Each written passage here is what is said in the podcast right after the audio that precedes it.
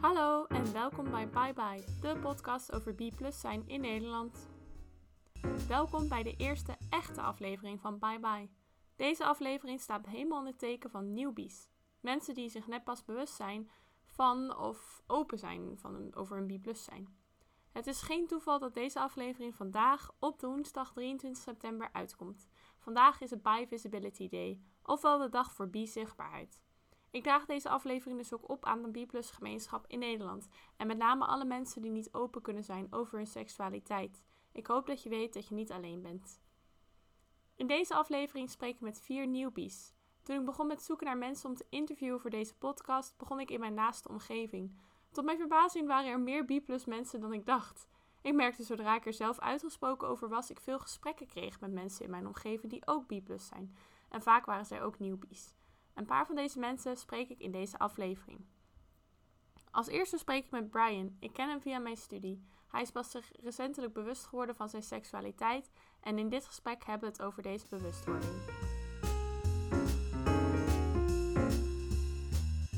Hallo Brian. Hi. Leuk dat je hier bent en uh, dankjewel voor je deelname. Zou je je kort kunnen voorstellen aan onze luisteraars? Um, ja, tuurlijk. Ik ben Brian, um, ehm, 32 jaar oud. Ik heb Engelse taal en cultuur gestudeerd. Vervolgens Amerikanistiek. En hobby's zijn lezen, ontzettend veel films kijken en fietsen. Oké, leuk, super. En um, Mag ik je vragen onder welk label je jezelf identificeert? Want uh, je bent een van onze newbies. Zie jij jezelf ook als bi? Ja, waarschijnlijk toch bi. Ook al heb ik wel getwijfeld tussen bi en pan. Omdat daar wel um, ja, redelijk wat raakvlakken tussen zitten. Maar ik denk voor mezelf dat, dat ik het toch fijner vind om mezelf biseksueel te doen. Oh, oké. Dus wat is voor jou het verschil tussen die uh, bi en pan, waardoor je toch voor bi hebt gekozen? Um, ja, dat, dat vind ik op zich een beetje lastig om uit te leggen, omdat, nou ja, ik weet niet of je op het internet een beetje hebt rondgekeken, maar ja, er zijn heel veel uh, beschrijvingen voor beide. Ja. De definitie van bi die mij aansprak in ieder geval was dat je... Um, volgens mij was dat ja, voor twee of meer uh, genders, mm -hmm, ja, genders valt. Ja. Inderdaad wat mij betreft, uh, wat op mij sloeg. Dus ik had zoiets van, ja, je kan blijven zoeken naar iets wat misschien nog beter bij je past, maar dit, dit voelde goed in ieder geval. Dus, ja, ja, je moet natuurlijk altijd een label kiezen waarbij jij je goed voelt. Precies, dus ik had zoiets van, nee, ik, ik hou het gewoon hierbij. Ja, ja, en je zei het over op het internet zoeken. Heb je veel op het internet gezocht naar termen en definities? Of? Ja, eigenlijk wel. Um, nou ja, zeker in het begin toen ik twijfelde van, oké, ben ik biseksueel of niet? Mhm. Dus dan, um, ja, op YouTube staan er heel veel ervaringsvideo's, uh, ja, artikelen ja, er, is gewoon superveel te vinden. En ja, in, in mijn omgeving, nou ja, op jouw na dan. Jij was de volgende, zeg maar, toen ik het uh, soort van iets zekerder wist. Maar ja, verder zijn er niet. Ja, nee, dat klopt eigenlijk niet. Die zijn er wel. Maar ik, ik denk dat ik het toch veiliger vond om gewoon in een soort van anonimiteit. Mhm. gewoon even omheen te kijken van ja, wat is er te vinden, zeg maar. Ja. En slaat dat op mij. Ja, dus, maar dat is toch ook... Uh, ik denk dat dat ook wel bij jou past als een persoon, of niet? Een beetje de kat uit de boom kijken. Um, ja, ik, ik ben vooral inderdaad iemand die voornamelijk eerst alles op mezelf afschuift. En vervolgens, als ik zeg maar een soort van aan het verdrinken ben, dan eens denk... um, laat ik eens iemand anders inschakelen. Ja, ja, iemand anders. En dat is dan het internet, YouTube en, uh, en de vrienden om je heen. Of... Ja, nou, meer het tweede, zeg maar. Ja, dus, dus echt het in persoon vertellen. Ja, nee, maar dat vind ik wel tof. Heeft dat lang geduurd voordat je dat uh, durfde? Eigenlijk niet. Nee. Het was wel vrij vlot na de realisatie, zeg maar.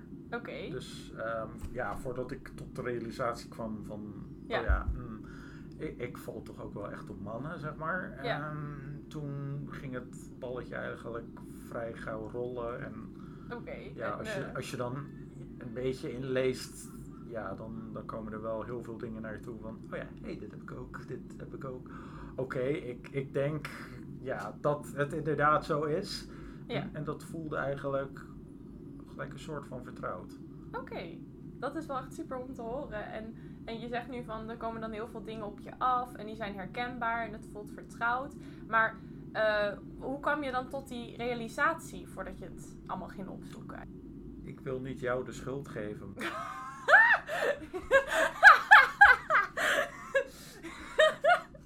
nee. Het is mijn schuld. ik maak iedereen bi. ja, juist. Nee, maar volgens mij, ik, ik weet niet precies wat de, de echte aanleiding was. Maar volgens mij was het iets, zei. Mm En daardoor had ik zoiets van, oh ja, dat heb ik ook gehad. Ja. En dat ik daardoor weer echt, zeg maar, echt op het internet ging zoeken. Want dat heb ik ja, eigenlijk nooit gedaan. Ja, wat interessant. Dus eigenlijk iemand anders zei iets herkenbaars voor jou. Iemand anders die zich als bi openlijk identificeerde. En dat leidde jou tot die realisatie eigenlijk. Ja. Dat is wel heel frappant eigenlijk. Dat je toch zo toch wel een langere tijd in je leven zeg maar hebt doorgebracht. En dat je dan doordat iemand anders het zei, het realiseerde. Dat is wel interessant vind ik. Nou ja, inderdaad. Ja, dus dan denk ik dat het belang van rolmodellen of mensen die open zijn in je omgeving dan toch wel echt een belangrijke rol speelt. Even uh, puur op mezelf kijken, ab absoluut. Gaat voor jou. Tuurlijk. En niet alleen hierbij, maar ik merk sowieso wel dat ik behoefte had kunnen hebben aan um, bepaalde rolmodellen. Dat het uh, opgroeien, puberteit en zo, dat dat wat prettiger was geweest voor me. Ja.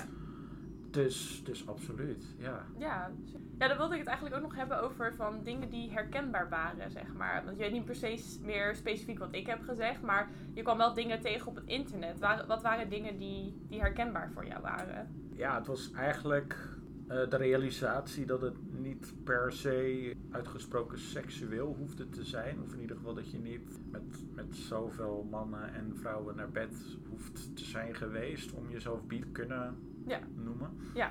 Ja, nog een paar dingetjes. Ja, op dat moment had ik wel zoiets van. Ten eerste best logisch eigenlijk, want. Ja, maar het is toch best lastig, toch? Ik denk toch dat je waarschijnlijk in een soort van um, hetero vormpje wordt gegoten. En dat je dan denkt, nou, ik heb nooit die, tenminste nu spreek ik voor mezelf, ik heb mhm. nooit die ervaringen gehad met hetzelfde geslacht. Dus dan zal het wel niet iets zijn. Zeg Nee, nee, dat, dat klopt. Maar ik bedoel, Mhm. Er zijn ook legio mensen die zich hetero noemen, die ook nog nooit seks gehad hebben. Dus, ja, ja dus- klopt. Dus, waarom ja. kan dat dan wel? En, en is dit dan een soort van raar? Dat, dat is ook iets wat je heel vaak op het internet tegenkomt, waar ik zelf nog niet heel veel ervaring mee gehad heb, gelukkig. Afkloppen. um, van mensen die zich dan op iedere man of vrouw die je tegenkomt ja. opmerkingen moet gaan lopen maken of ja. seks moeten hebben of, of, dat kunnen aantonen of ik veel wat. En ik heb zoiets van, ten eerste, dat lijkt me veel te vermoeiend, maar mhm. ik, ik denk dat het ook gewoon los staat van wat voor persoon jij bent. Ik bedoel, ja, dat moet, uh... ongeacht of ik op mannen of vrouwen val, ik heb niet met iedere, ik, ik voel me echt niet tot iedere persoon seksueel aangetrokken. Ja. Dus ja, dus ja dat, dat blijft gewoon. Mm Het moet gewoon voldoende zijn als jij zegt: hé, hey, ik ben Brian en ik ben Bi. Dan is dat gewoon zo. lijkt mij wel, maar dat is blijkbaar, ja. Maar voor jou is het, is het, voelt het wel, zeg maar, echt als jouw identiteit. En als iemand tegen jou zei, zou zeggen: van, nou, laat eens zien met wie je allemaal naar bed bent geweest of zo. Dan zou jij zeggen: van, nou, waarom zou dat moeten? Wat gaat jou dat aan? Ja, wat gaat jou dat aan? Ja, natuurlijk. ja. ja. En uh, dan iets heel anders eigenlijk. Hoe kijk je er dan tegenover om uh, ja, het aan andere mensen te vertellen? Hoe zit jij van, van als je bi bent, kom je dan uit de kast, zeg maar? Dat is altijd een interessant iets. Want jij bent een nieuw bi. Je bent redelijk open in, in je close circles, met mij bijvoorbeeld. Mm Je zit nu op deze podcast. Wat? Maar, uh, Wat wordt dit opgenomen? Ja. Oh. Hoe ben je tegenover andere mensen? Ja, nou, ik vind het wel belangrijk dat mensen dit weten van me. Want nou ja, wat jij zegt, het is wel gewoon onderdeel van wie ik ben. Mhm. Ik heb het nog niet aan iedereen in mijn familie verteld. En dat is meer omdat ik oprecht niet weet hoe ze gaan reageren. Ja.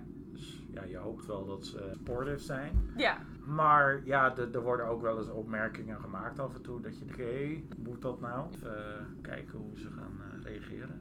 Ja, maar je lijkt er wel redelijk gewoon vrede mee te hebben. Het is, lijkt alsof je ja, ik weet niet. Het lijkt alsof je opgelucht bent om dit te realiseren en dat je er ook heel veel vrede mee hebt. Zo voelt het op mij overkomen. Toen ik inderdaad die realisatie had, wat ik al zei, vielen er heel veel stukjes uh, van de puzzel op hun plaats. En toen ook eigenlijk inderdaad zo, ja, het leek alsof er een ja, deur open ging of zo. Ik weet niet. Ja. Maar in ieder geval, waardoor ik me een stuk comfortabeler voel ook. Oké. Met, met mezelf en ja, ook gewoon in mijn omgeving. Dat is wel echt super tof om te horen. Ja, ja zeker, absoluut. Ik bedoel, ik, nou ja, ik heb al een hele lange tijd met mezelf ook lopen worstelen. Dus alles wat daarbij kan helpen, ja. is, uh, is zeker mooi meegenomen. Ja. Dus, uh, Super. Nou, echt heel erg bedankt voor je verhaal. En ik wilde eigenlijk nog vragen of je, of je uh, nog een wijsheid zou hebben voor andere newbies die hier naar zouden luisteren. Kijk, voor jezelf even. Zoek inderdaad wat ik gedaan heb. Zoek een beetje op internet en kijk of dat prettig voelt voor jou. Ja. En ja, wat eventueel je omgeving zegt, dat is dan van minder belang. Ja. Dus let, probeer daarop te letten. Ja, probeer daarop te letten. Zoek waar jij je goed bij voelt. Ja. Dat vind ik wel een hele mooie. Ja, ja super. Dankjewel. Okay, graag gedaan. Bye bye. Doei.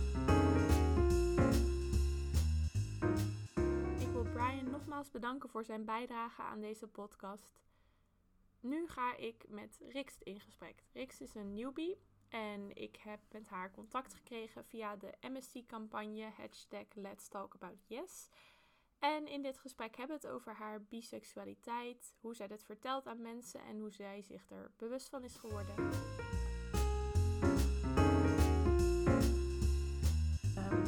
Hoi. Hi. Hi. Leuk dat je er bent. Wil je kort iets over jezelf vertellen? Uh, ja, ik ben Rikst en ik ben 20 jaar oud. Ik kom uit Friesland en ik woon nu in Leiden al uh, sinds 2017, dus drie jaar. Hoe zie je jezelf? Want je bent nu op deze podcast. Ja. Dus we, uh, we nemen nu aan dat je, dat je als B plus identificeert. Ja. Welk label vind jij het fijnst nu? Op dit moment zou ik zeggen B. Mm -hmm. um, omdat ik heb mijn hele leven gedacht dat ik hetero was. Mm -hmm. En ik heb ook relaties gehad met jongens en zo. Mhm. En toen op een gegeven moment kwam ik erachter van... hey, dingen die ik doe of dingen die ik vind... Uh, dat valt eigenlijk ook wel echt onder bi inderdaad. Dat ik echt dacht van... oh, ik vind vrouwen wel echt heel aantrekkelijk. Mhm. En ik zou ook wel gewoon uh, relatie met vrouwen kunnen hebben en zo. Toen dacht ik, oh wacht, misschien ben ik niet puur hetero. En toen ben ik dat weer gaan exploren. En op Instagram en zo... Uh, influencers en zo. Influencers. zoals Florence Given.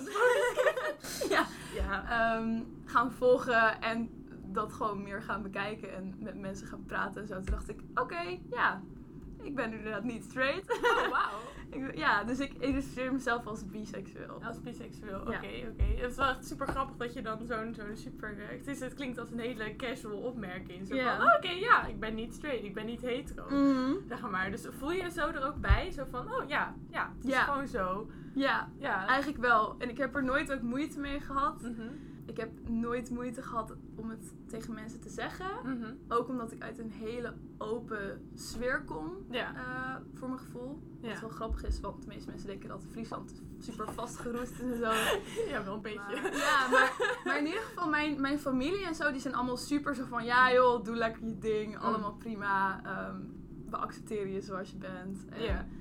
Uh, nu ook hier in Leiden en zo. Ik heb nooit zoiets gehad van, oh, ik, ik moet mezelf verbergen of zo. Of ik heb niet de ruimte om mm -hmm. te doen ja. wat ik wil en te zijn wie ik ben. Oké, okay, dat is wel echt super tof. Maar wanneer kwam die realisatie dan echt? Wanneer begon je dan met nadenken? Was dat in Friesland of was dat toen je naar Leiden verhuisde? Nee, dat was wel echt toen ik inderdaad in Leiden was. Mm -hmm. Want gewoon de mensen met wie ik omga, mm -hmm. die zijn allemaal heel, ja, wij noemen het biesgierig. Biesgierig? ja, nee, maar het is ook dus, een label. Ja, het is een label, het is een label. Dus iedereen die, die experimenteert een beetje. Ja. En toen, toen dacht ik van ja, oké, okay, dat, dat wil ik ook wel doen. En op een gegeven moment ging het inderdaad echt over van experimenteren naar oké, okay, misschien is dit toch wel een deel van mijn geaardheid. Ja. Dus ja, ik ben er in Leiden wel echt mee begonnen. Ja, met, ja. met exploren. En, ja, want eerder was het, was het voor mij niet echt een ding. Weet je wel, je was gewoon hetero. gewoon hetero. Ja, ja, ja ik, ik weet het. Ja, toch? Ja. Gewoon hetero. Je was gewoon hetero, ja. ja. Gewoon met jongens. Ja, ja. wat is er anders, hè? Precies. ja. Andere optie is er niet. Nee, dat is inderdaad wel interessant eigenlijk. Wat je daar nooit dan aan hebt getwijfeld, totdat je eigenlijk in zo'n kring kwam. Ja. Met biesgierige mensen. Precies. ja, dat is echt grappig. Inderdaad. En toen, ja, toen werd gewoon soort van, werd het opengegooid voor me. En toen dacht ik, oh, oké. ja, ja, ja. Denk je, denk je dat je, uh, hoe zeg ik dat? Denk je dat je het zou hebben gerealiseerd als je niet in die cirkel was terechtgekomen? Ik denk het wel. Oké. Want, nou ja, het is natuurlijk niet, ja, een beetje cliché, maar het is niet een keus. Mm -hmm. Weet je wel? En uh, ik denk wel dat het nu meer, uh, er is meer openheid om het te verkennen. Mm -hmm. ja. Um, maar ik denk wel dat ik het me anders ook had gerealiseerd. Want ik heb zeg maar altijd wel een soort van fascinatie gehad voor, voor mannen en vrouwen. En ja. trouwens ook alles ertussen. Alles ertussen. Ja. um, ja, dus ja, ik denk, ik denk wel dat het anders ook gewoon zo was geweest. Op een andere manier. Ja, op een andere manier misschien. Ja, ja want wat je zei eigenlijk van, van het, het werd pas een ding toen ik in Leiden was, zeg ja. maar. Een ding, echt. Hoe bedoel je dan een ding? Zeg maar dat het dan echt onderdeel werd van je leven? Ja, zeg maar. dat ik er toen echt actief naar ging zoeken, zeg maar. En actief ging bedenken van, oké, okay, maar wat ben ik nou eigenlijk? Ja. En, en ik heb ook wel tegen mensen gezegd van, ik ben zo de war en ik weet gewoon niet wat, wat er aan de hand is. En zo. Toen zeiden ze van, ja, maar wat maakt het eigenlijk uit, weet je ja. wel? Iedereen wil maar een labeltje, maar dat maakt ook allemaal niet zoveel uit. Ja, en, en toen, toen heb ik mezelf iets meer losgelaten daarmee. En toen werd het inderdaad iets minder soort van een heftig ding wat me echt in de weg stond. Ja. Ja, en nu, nu ben ik er gewoon chill mee en gewoon... Ja. ja. Dus heeft, heeft dat label je dan zeg maar eigenlijk meer in de weg gezeten eerst dan dat het bevrijdend was dan? Ja, omdat ik niet, omdat ik niet goed wist zeg maar, hoe Ja. het zat. Van vind ik, zeg maar, ik wist zeker dat ik op mannen viel, maar vind, vind ik vrouwen dan gewoon alleen aantrekkelijk, Mhm. maar verder niks? Kan ik ook echt verliefd op ze worden? Mhm. Dat wist ik niet zo goed. Mm. Dus, en ik wist ook niet zo goed hoe ik dat moest gaan verkennen. Want ja, hoe, zeg maar, vrouwen willen niet zeg maar, je experimentje zijn, weet je wel. Die Nee. willen niet met je op date, Ja. zodat je even kunt kijken of dat iets is. Ja. Eh, wat ik ook natuurlijk, dat is heel logisch. Mhm. Maar ehm, ja, dus, dus wat dat betreft zat ik er toen een beetje mee in de knoop. Ja. Dat ik toen inderdaad dacht van oké, wil dit soort van gaan exploren, maar hoe ga ik dat doen? En is dat, ja, is dat op een goede manier hoe ik dat Mhm. nu doe? En hoe ga ik mensen ontmoeten? En Ja. ja, Ja, hoe ga ik mensen ontmoeten? Dat is ook wel lastig Ja. natuurlijk. Vooral als je misschien op zoek bent naar andere mensen die zich als B-plus identificeren. Ja. Want jij bent al toevallig in een kring met mensen die biesgierig waren in ieder Mhm. geval. Maar ik neem aan dat buiten die kring dat het misschien wel lastiger was om mensen te ontmoeten. ja, Ja. ja, zeker. Ik heb wel eh, ja, via, via Tinder zo een Mhm. beetje mensen ontmoet. ehm, maar dat is toch anders, want ja, je kent ze gewoon helemaal niet. Ja. En je moet iemand helemaal leren kennen. En ik vind het altijd fijn om via via mensen te leren kennen. Ja. Maar ehm, ik zit dan ook weer niet zo in de, in de kringen dat ik echt Ja. zomaar even kan zeggen... Oh, stel me even voor aan je, je lesbische vriendin of Ja. zo, weet je wel. Ja. Dat, eh, nee. Ja, maar dat is misschien ook een van de dingen die je hebt als je, als je eigenlijk je hele leven dacht van, ah, ik ben hetero. Dus dan zit je Mhm. waarschijnlijk ook iets meer in die kring, of niet? Precies. Ja. Precies. Ja, het is herkenbaar. Ja, ja. Dat is echt... Er gaat ineens een wereld voor Ja, je open. ja. Het is echt... Ik ben ook... Vorig jaar ben ik naar Pride geweest. Oh, wat leuk. Ja, het was echt heel tof. En toen was ik ook echt van... Ja, hier voel ik me thuis. En dit is mijn ding. Ja. En, en ik denk dat ik toen echt soort van aangezet ben van... Oké, het is allemaal prima. En ik ga dit nu allemaal gewoon bekijken. Ik ga dit nu allemaal lekker... Lekker zien, hoe het ja. gaat, ja. Oh, wat tof. Echt gaaf dat je zo'n ervaring had eigenlijk. Ja. En, en dan, je zei laat, ehm, eerst zei je ook nog ehm, van, je ging ook naar Instagram toe, naar Mhm. influencers. Eh, bijvoorbeeld Florence Given. Voor de Mhm. luisteraar, ehm, ga Florence Given volgen. Want Ze is fantastisch. ze is fantastisch, bisexual icon Yup. uit Engeland. Is wel Engelstalig, maar Mhm. zeker worth a follow. Ja. En ja, dus je ging kijken op Instagram naar influencers. In welke fase was dit? Zeg maar toen je nog een beetje was aan het zoeken naar een label? Of, eh, Ehm, ja, ik was aan het zoeken naar een label, maar het was ook om andere redenen dat ik was toen in een relatie mhm. met een jongen Mhm. en ehm, ik dacht van het voelt niet helemaal goed. En toen, toen ben ik, ja, het begon echt bij Florence Given. Toen ben ik haar gaan volgen omdat zij heel duidelijk is, zeg maar, in grenzen stellen en Mhm. wat moet je pikken, wat moet je niet pikken van iemand. En, eh, en toen was zij ook helemaal zo van de queer en inderdaad, ja, gewoon eh, daar heel open over. En eh, toen was ik zo van, oh, oké. En toen, van daaruit ben ik gewoon verder gaan zoeken. Ja. ja. Dus op die manier ben ik bijgekomen. Dus eigenlijk niet eens met het idee van... Ik ben queer of precies. ik ben bi. Precies. Ja. Dat, dat was gewoon iets wat met jou dan resoneerde, of niet? Ja, ja. dat absoluut. Het voelde wel goed inderdaad. Ja, ja. het voelde wel goed. Het voelde wel goed. Ja, om dat zo te lezen en om zo van, oké, ja, dit kan ik me wel in vinden. ja. maar zo zie je dan eigenlijk dat dat dan die rolmodellen of mensen die hier open over zijn, dat die zo mhm. belangrijk zijn eigenlijk. Ja. Ja. ja, maar hoe zie jij dat dan, zeg maar, als, als newbie? Dit uit, uh, want, want, want je bent dan eigenlijk recent daarmee bezig, recent het label mhm. erop geplakt. Zie jij het dan echt uit de kast komen, zoals misschien een persoon zou moeten doen, of moeten doen, sorry, zou kunnen mhm. doen, uh, als de gay zouden zijn? Of? Um, nou, ik vind sowieso het hele concept van uit de kast ja. moeten komen echt stom. Ja, Want ik heb zoiets van, mensen hoeven ook niet te zeggen dat ze hetero zijn, want daar gaat iedereen gewoon van uit. Ja.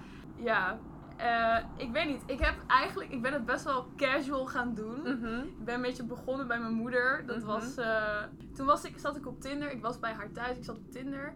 En ik had, uh, ik had hem op mannen en vrouwen gezet. Ja, ja. En toen, zij keek gewoon een beetje schuin, met schuin oog mee. Of ze zei ze, hey, jij swipet ook meisjes. En ik was van, oh ja, dat klopt. En zei ze, oh, oké. en, toen, en toen zat ze zelf ook nog op Tinder. En toen zei ze, nou, misschien ga ik dat ook wel gewoon proberen. En toen heeft ze dat een tijdje gedaan, kwam ze af en toe. Ja, dit is wel een knappe vrouw, toch? Ik zo, ja, ja, ja, prima joh. En, en, zo. en toen kwam ze later naar me toe, nou, is toch niks voor mij. Oh, wat leuk. Ja, en dat, ja, dat was mijn coming out naar mijn moeder. Ja, ik heb het nooit hoeven zeggen. Het was gewoon allemaal helemaal oké. Het was helemaal prima. Oh, wat leuk. Ja, het was oh. echt top. Het was echt top. Maar en mijn, uh, nou, mijn vader toen was ook hilarisch. Dat, ik zat bij hem in de auto en ik zei ja, ik heb volgende week een date met echt een hele mooie meid. Ja. En toen zei hij, oh, oké, maar zie je dat dan iets worden? Ik zo, nou ja, het is eerste date, weet je wel. Ja. Ik, had, ik had helemaal niet in mijn hoofd soort van wat hij bedoelde. Ja, het is eerste date. Dat, dat weet ze toch helemaal niet. Ik ontmoet haar net. Hij zo, ja, ja, maar je ziet het dus wel voor je dat dat iets zou kunnen worden. Ik zo, wat bedoel je? Hij zo, nou ja, dus je zou wel iets met een meisje. Ik zo, oh, dat bedoel je? Zo van, ja pap, ik ben bi. Ja, dat klopt. Nieuwsflash. Ja, nieuwsflash. Ja, precies. Het is zo grappig. Maar mensen zeggen ook gewoon een beetje van de mm. classic van... Oh ja, het verbaast me echt niks. Weet je wel, gewoon van, ik wist het niet, maar het verbaast me niks. Nee, echt waar? Oh. Ja, dus ik, ik ben nu gewoon een beetje, inderdaad gewoon een beetje op die manier van, oh ja, ik heb een date met een meisje. Of, ja. oh ja, ik zit op Tinder meisjes te swipen. Ja dus ik ben niet echt actief, zeg maar, uit de kast aan het komen. Want ik wil gewoon dat een beetje mm. tegengaan. Ja. Zo, weet je wel? Ja. En, en ik vind, zeg maar, sowieso als mensen, er, uh, als mensen het heel graag willen en heel, graag, of heel erg waarde aan hechten en mhm. zo. En zoiets mm hebben van, dat wil ik gewoon zeggen om mijn identiteit zo van duidelijk te maken. Dan tuurlijk, weet je wel, doe dat absoluut. Ja. Um, maar ik wil ook naar het idee toe van, mm. we hoeven niet uit de kast te komen. we zijn gewoon wie we zijn. En niemand hoeft te zeggen, ik ben hetero. Maar ook mhm. niemand hoeft te zeggen, ik ben gay. En dat is gewoon allemaal helemaal prima. Ja. Uh, dus ja. Dit is een mooi streven. Het is een mooi streven. Daar ben het echt helemaal mee eens. Maar probleem is gewoon in, in deze maatschappij is dat lastig. Omdat je dan, wat je mhm. zegt, je wordt eigenlijk meteen als hetero gezien. Ja. En je, je bestempelt jezelf eigenlijk ook meteen als hetero. Ja, precies. Dat ook. Je gaat er zelf naar leven inderdaad. Ja. ja. En als je dan ineens, als je dan je realiseert van, oh, ja. Uh, misschien toch niet. Dan is dat echt een soort van klap, weet je. Dan is het echt een soort van shock. Oh shit, nu moet ik dit gaan ont onderzoeken en ontdekken. En ja. En, hoe reageer je dan op mensen die nu zouden impliceren dat jij hetero bent bijvoorbeeld? Oh, ga je met een date of met, met een leuke jongen? Zeg maar dat mhm. soort van die terloopse opmerkingen. Um, ik zou zeggen, als ze zeggen inderdaad van op date met een jongen, zeggen of meisje. Ja, ja of meisje. ja. ja, gewoon, ik maak wel een soort van duidelijk van... Ja. Nee, ik ben niet straight. Oké. En dat mag je weten ook. Ja. En, ja. Dus je bent wel heel open over, ja. zeg maar. Ja. En uh, heb je sinds, sinds deze nou ja, soort van coming out, of in ieder geval mhm. dat je het duidelijk hebt gemaakt, heb je ook met meer mensen gesproken die bijvoorbeeld naar je toe zijn gekomen van hé, hey, ik heb dat ah. ook? Of, uh... Nou, ik ben wel mensen een beetje op gaan zoeken. Mhm. Eh, van wie ik wist dat ze zelf ook een beetje aan het struggelen waren. Of zijn, waren geweest, zeg maar. Ja. En daar ben ik een beetje in gegaan met mijn met dingetjes van... Oh, ik weet het niet zo goed. En, en aan welke kant val ik nou meer en zo. En mhm. Ja, dat, dat vond ik wel heel fijn. Dat heeft me wel echt, zeg maar, geholpen. En ja, daar heb ik wel, daar wel echt steun in gevonden. En dat zij ook zeiden van... Ja, ik ben ook inderdaad door zo'n moeilijke periode geweest van shit, uh, nu pas ik niet meer bij het labeltje wat ik mezelf had toegeschreven en wat nu. Um, ja.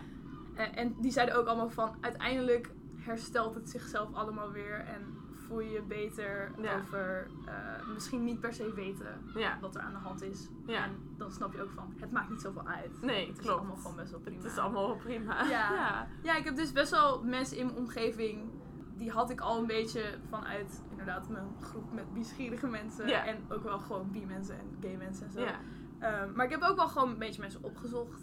Ja. Ja, geprobeerd. Maar het, is wel, het is wel moeilijk. Het is wel lastig, ja. Om die mensen te vinden, maar... Ja. ja. En niet iedereen is er zo open over als, als jij, denk ik. Nee. ja. Nee, klopt. Want het is, het is voor sommigen wel echt gewoon een beetje een stigma. Ja. Nog. En dat snap ik ook wel, want het kan...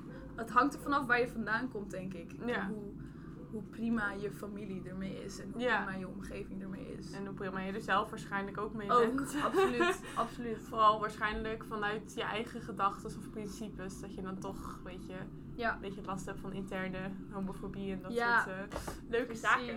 Precies, ja.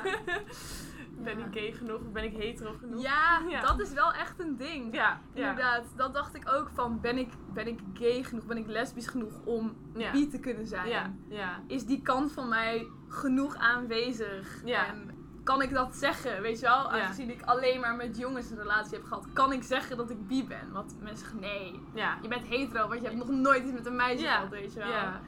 Ja, dat is wel, is wel lastig. Ja. Ja. Maar ja, goed, hoe weet je dat je hetero bent als je, als je ook nog nooit een, jongen hebt gezoend, zeg maar. Ja, dat is zo. En wat maakt het eigenlijk uit? Ja, klopt. Ja. ja. Dan hoef je toch helemaal geen bonnetjes te laten zien. Zo van, hé, hey, met zoveel mensen heb ik gezoend ja, en zo. Precies, ja. Dit is mijn uh, bi-bewijs. Ja, ja, ja. Wel echt. Mijn, ID, maar dan mijn I, IB. IB. IB. IB. IB. Mag ik niet naar binnen? Nee. Ja. Oh, wat erg. Ja. Oh. Oké. Maar hoe ben je dan, uh, nog, ja, nog een vraag zeg maar, over het label, zeg maar. Want er mhm. zijn best wel veel labels en dat kan denk ik overweldigend zijn. Mhm. Vooral voor iemand die, die een newbie is eigenlijk. Ja. Het is, het is mijn ervaring ook. Van ja. Dat je denkt, oh, zoveel labels. Ja. Wat is wat? Wat is bi? Wat is omni? Wat is, ja, ik weet niet wat er allemaal nog meer nee. is. Heel veel. Ja. Uh, en hoe ben je dan op het label bi gekomen eigenlijk? Um, ja, dat is een goede vraag. En ik moet ook zeggen, dat is zeg maar het voorlopige label wat ik mezelf geef. Mhm. Want wie weet komt er weer een soort van nieuwe categorie bij, waardoor ik denk, oh, misschien is het toch niet helemaal wat, ik, wat ik vind. Maar um, het is gewoon een beetje het, oké, mannen weet ik sowieso dat ik daarop val. Ja. Vrouwen zijn er zeg maar een soort van bijgekomen in mijn perceptie. Um, en volgens mij onder bi valt ook gewoon non-binary en zo. Ja ja, dat, dat is meer gewoon, zeg maar, dat ik zeg, ik, ik stel me open, weet je wel, voor iedereen. Ja. Maar ik ben gewoon prima met whatever me overkomt. Ja, zeg maar. overkomt. Ja, gewoon, dat is het echt van, het, het overkomt je. Ja.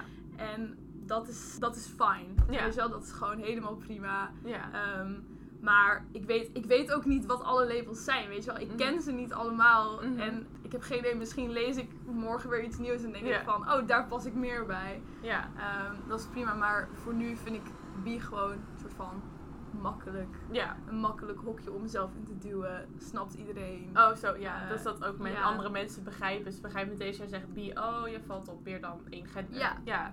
Precies. Oké.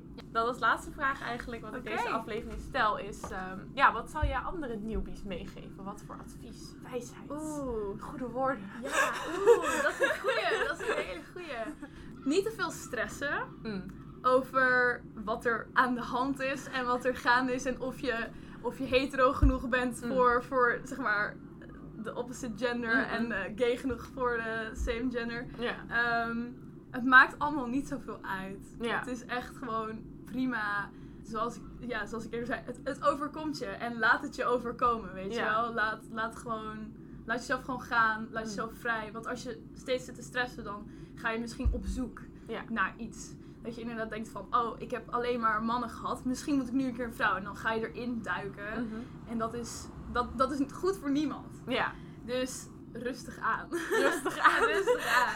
ja. Take it slow. Take it slow. Ja, Ja. precies. Go Ja. with the flow. En doe gewoon leuke dingen. Zoek Mhm. mensen op van wie je kunt leren. Ja. eh, die misschien al iets verder zijn in hun proces. Ja, dan nog moet je jezelf volgen. Weet je wel, moet je altijd doen wat je zelf wilt. Maar ja, en ga naar Pride. Want Pride is echt super leuk.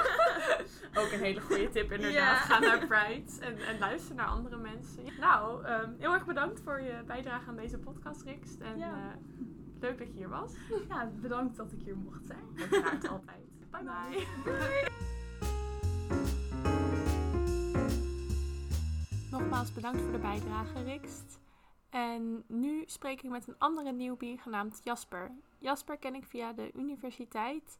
En in dit gesprek hebben we het over zijn biseksualiteit en welke rol het speelt in zowel zijn leven als zijn relatie. Luister maar mee. Dus nu met eh, Jasper. Hallo, welkom. Hoi. Hi.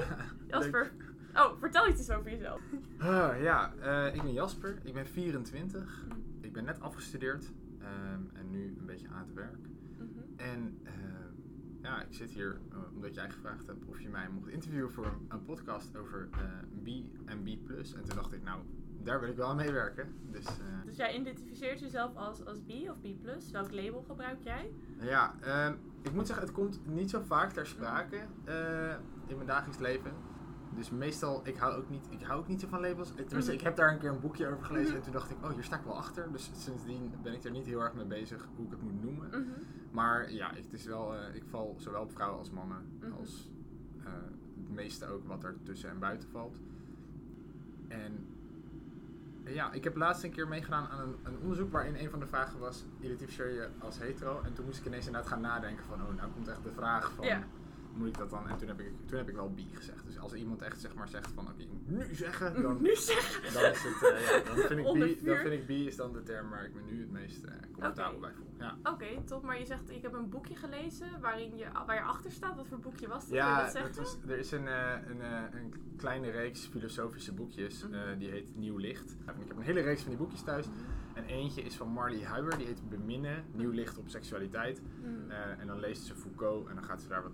Ze daar, dan gaat ze daarop verder. En dan komt zij een beetje tot de conclusie dat ze eigenlijk vindt dat we ehm, moeten doen wat we doen. En dat we moeten benoemen wat we doen. Maar dat we niet hoeven te benoemen wat we zijn of willen zijn. Ehm, niet dat het niet mag, maar dat het niet zou moeten. Ja. Dus, eh, en toen dacht ik, ja, daar sta ik eigenlijk wel heel erg achter. Maar ja, aan de andere kant, het zijn wel, termen zijn vaak wel handig. En het geeft wel een soort lekker identiteitsgevoel soms. Dus dat is wel... eh, Ja, ja, ja. Nee, maar ik herken dit wel. En ik denk dat het ook een heel goed streven is, zeg maar, dat we uiteindelijk ook naar een maatschappij zouden kunnen gaan waar we niet per se hoeven te benoemen wat we zijn. Dat, dat, Ja. dat, het, dat we gewoon zijn. Maar ik denk dat het gewoon tegenwoordig zo. Ik denk dat het lastig is met, eh, met Ja. seksualiteit, toch? Om, Ja. om dan het geen label te geven, omdat je dan waarschijnlijk meteen als hetero wordt gezien, of niet? Ja, en je hebt het, je hebt het al met, eh, met die plus in Mhm. LGBT+, LGBTI+, plus, IAQ. Je kan heel veel letters aan toevoegen, maar er blijft vaak een plus bij staan. Mhm. En die plus is voor hè, eh, mensen die we vergeten zijn te noemen, maar ook mensen die nog niet weten hoe ze zichzelf moeten noemen. En mensen die eh, nog moeten ontdekken, zeg maar. De namen die misschien nog uitgevonden moeten worden, zeg maar, of termen. Dus ja. Maar het is wel, het lastige eraan is wel inderdaad dat het heel heteronormatief, dat alles eigenlijk heel heteronormatief ja, is. dat sowieso. Ja, en dan, eh, ja, en ik denk dat de meeste mensen er ook bij de meeste mensen niet bij stilstaan. Dus ik denk dat als mensen mij zien of ontmoeten, dat ze Mhm. niet echt gaan nadenken over mijn seksualiteit. Mhm. Omdat ze er waarschijnlijk van uitgaan dat ik eh, tussen aanstekens gewoon hetero ben. Mhm. Ehm, dus ja, dat is wel, het is interessant om te zien hoe andere mensen daarover nadenken. En hoe ik dat vroeger ook deed en hoe dat nu verandert zelf ook. Dus dat is ook wel anders. Dat ik nu anders kijk naar nieuwe mensen die ik ontmoet of zo. Oké, dat is veranderd vanwege je eigen kijk op je eigen seksualiteit? ook. Maar ook, ik heb de afgelopen jaren, nou dan heb ik het over drie tot vijf jaar of zo, Mhm. tijdens mijn studietijd vooral, heb ik wel een hoop vrienden erbij gekregen die, ehm, die lesbisch zijn, of homo zijn, of bi Mhm. zijn, of queer, of die zich anders identificeren. Ehm, en ja, dat, zorgt er wel voor dat je er sneller aan gaat denken, zeg maar, van, oh, ik moet er even een beetje rekening mee houden of ik moet er anders naar kijken. En ehm, ja, en toch ook wel wat van mijn eigen vooroordelen die uh, een beetje omgegooid zijn. Omdat er, weet je wel, van die meiden waarvan ik dan echt in mijn oude gedachtegang nooit zou denken dat ze lesbisch waren. Die, die dan een vriendin hadden en zeiden, nou ik val helemaal niet op man, ik ben echt super lesbisch.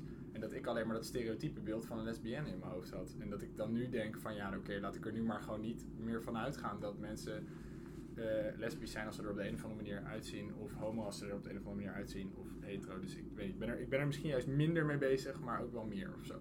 Ja, dus een beetje raar. Ja, nee, Ik, ik snap het heel erg. Want er is ook volgens mij, ik denk dat het ook wat lastiger is, vooral als je bi bent, denk ik ook. Dat er geen manier, manier is om, om er gay uit te zien. Er is een stereotype manier, maar, maar je bent gewoon wat je bent eigenlijk. En er is niet echt een identifier vaak voor mensen hun seksualiteit aan hun uiterlijk te ja. Nee, nee, dat, nee ja, dat is lastig, zeker bij biseksualiteit. Ja. Ehm, en ja, ik heb ook wel eens een outfit aan waarvan ik zelf denk van nou, nu zie ik er meer gay uit. Als mhm. in dat ik dan, dat is dan een outfit waarbij ik denk, als ik nu naar buiten ga, dan zullen gay mannen of mannen die op mannen vallen, dus mhm. ook bi-mannen, mm -hmm. zullen misschien eerder naar mij kijken en denken, oh, die, die valt misschien ook op mannen. Wat voor outfit bedoel je dan? Dan kan je iets? Ja, weet niet, gewoon, uh, ja, bepaalde printjes of zo. En, mhm. en een bepaalde V-neck of bepaalde hals van. Hè, want ik heb nu, voor de record, ik heb nu een Star Wars. Ja, ik heb nu een Star Wars shirt aan. en dat zijn dingen die ik al draag sinds ik echt heel jong ben. Mm Weet je wel, van die popculture uh, en, en rockband shirts en zo. Yeah.